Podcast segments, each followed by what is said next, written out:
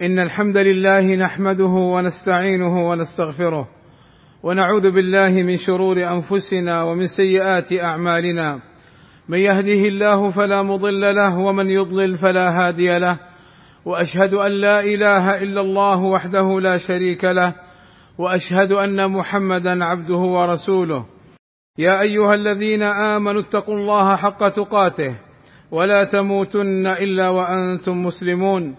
يا أيها الناس اتقوا ربكم الذي خلقكم من نفس واحدة وخلق منها زوجها وبث منهما رجالا كثيرا ونساء واتقوا الله الذي تساءلون به والأرحام إن الله كان عليكم رقيبا يا أيها الذين آمنوا اتقوا الله وقولوا قولا سديدا يصلح لكم أعمالكم ويغفر لكم ذنوبكم ومن يطع الله ورسوله فقد فاز فوزا عظيما.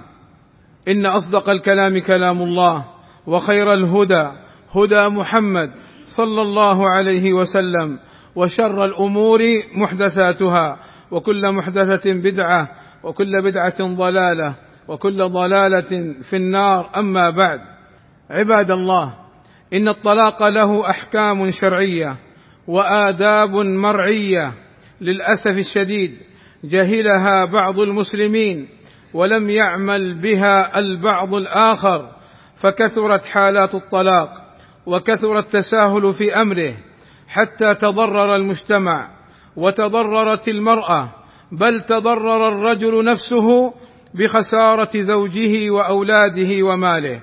ولو أن المسلم طبق الأحكام الشرعية في الطلاق لكان حاله أفضل وأحسن والتفريق بين المرأة وزوجها من أحب الأمور إلى إبليس لعنه الله.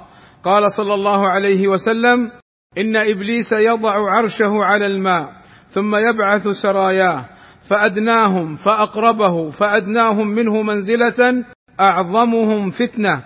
يجيء أحدهم فيقول فعلت كذا وكذا. فيقول ما صنعت شيئا. ثم يجيء احدهم فيقول ما تركته حتى فرقت بينه وبين امرأته. قال فيدنيه منه فيقربه منه ويقول نعم أنت فيلتزمه. وإن المشروع بين الزوجين عند حصول المشاكل بينهما أن يحاولا أن يجدا حلا بينهما قبل أن يقع الطلاق. كما قال تعالى واللاتي تخافون نشوزهن فعظوهن واهجروهن في المضاجع واضربوهن فإن أطعنكم فلا تبغوا عليهن سبيلا إن الله كان عليا كبيرا. وأحيانا وتأمل هذا وأحيانا يكره الرجل المرأة وله خير في إبقائها كما قال تعالى وعاشروهن بالمعروف فإن كرهتموهن فعسى أن تكرهوا شيئا. ويجعل الله فيه خيرا كثيرا. فلا يستعجل الرجل بالطلاق. قال صلى الله عليه وسلم لا يفرك مؤمن مؤمنة.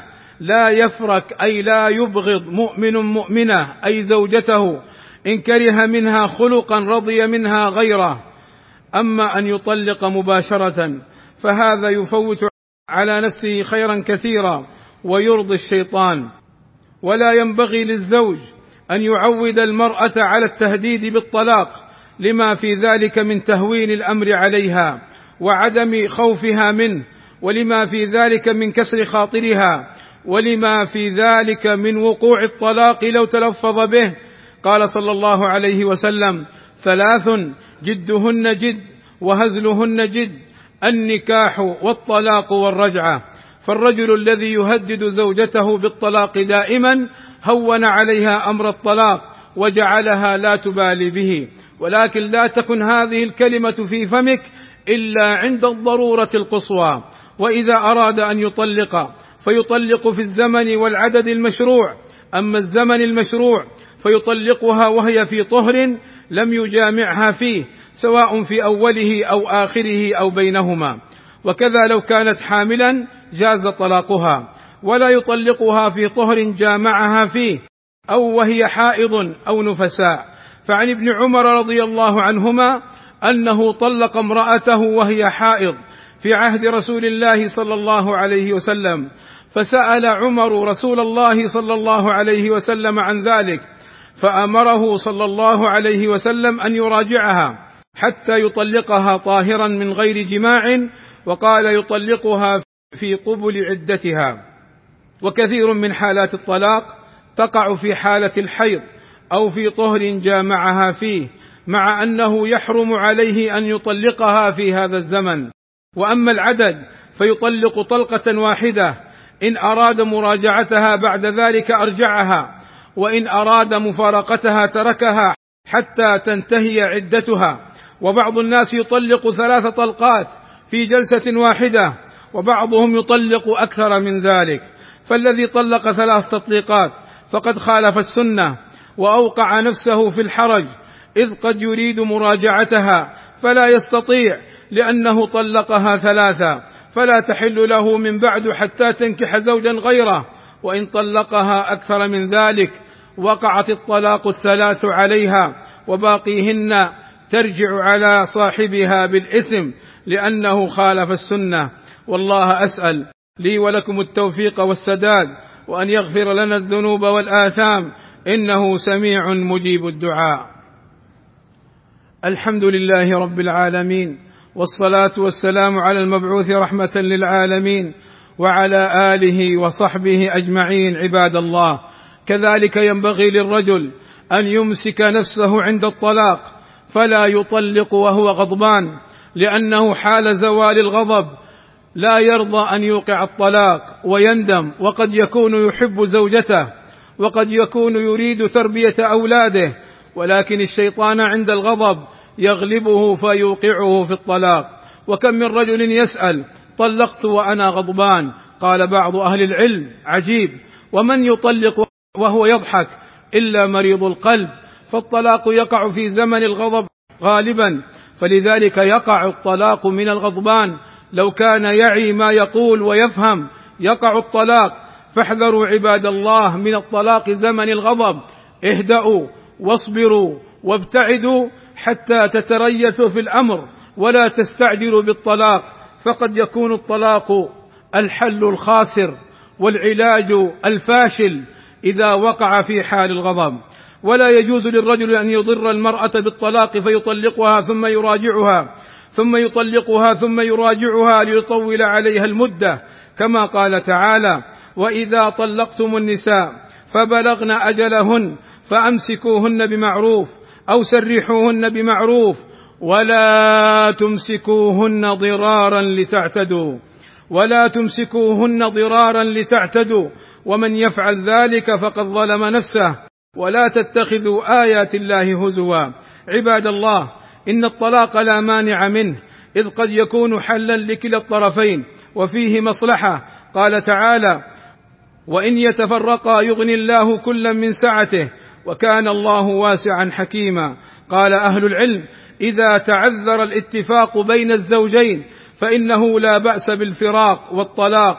فقال وإن يتفرقا أي بطلاق أو فسخ أو خلع أو غير ذلك يغني الله كلا من الزوجين من سعته أي من فضله وإحسانه الواسع الشامل فيغني الزوج بزوجة خيرا له منها ويغنيها من فضله بزوج خير لها منه وإن انقطع نصيبها من زوجها فإن رزقها على المتكفل بأرزاق جميع الخلق القائم بمصالحهم ولعل الله يرزقها زوجا خيرا منه. وأما حديث أبغض الحلال إلى الله الطلاق فهو حديث ضعيف لا يصح عن النبي صلى الله عليه وسلم. ولا ينبغي عباد الله أن يقع بين الرجل والمرأة الخلاف والعداوة والمشاقاه بعد الطلاق ولا العداوة والمشاقاه بين الأسر والأهل بعد الطلاق. فضلا أن يضر الرجل بأولاده أو المرأة بأولادها بل تبقى المودة والمحبة بين المسلمين. فالله يغني كل واحد منهما بفضله وكرمه. فاحرصوا عباد الله على تعلم شرع الله في هذا الباب باب الطلاق وما يتعلق به. واحرصوا على عدم الوقوع في الطلاق إلا في الضرورة. واحرصوا على تطبيق شرع الله في الطلاق. واحرصوا على المحافظة على أولادكم وزوجاتكم. وبيوتكم ولا تفرحوا الشيطان. عدو الله وعدوكم. عباد الله إن الله وملائكته يصلون على النبي. يا أيها الذين آمنوا صلوا عليه وسلموا تسليما. فاللهم صل على محمد وأزواجه وذريته كما صليت على آل إبراهيم وبارك على محمد وأزواجه وذريته كما باركت على آل إبراهيم إنك حميد مجيد. وارض اللهم عن الخلفاء الراشدين أبي بكر وعمر وعثمان وعلي وعن جميع أصحاب الرسول صلى الله عليه وسلم وعن التابعين لهم بإحسان وعنا معهم بمنك وكرمك يا أكرم الأكرمين. اللهم فرج همومنا واكشف كروبنا ويسر أمورنا. اللهم اغفر للمسلمين والمسلمات والمؤمنين والمؤمنات الأحياء منهم والأموات. اللهم وفق ولي أمرنا الملك سلمان بن عبد العزيز. وولي عهده الأمير محمد بن سلمان لما تحبه وترضاه.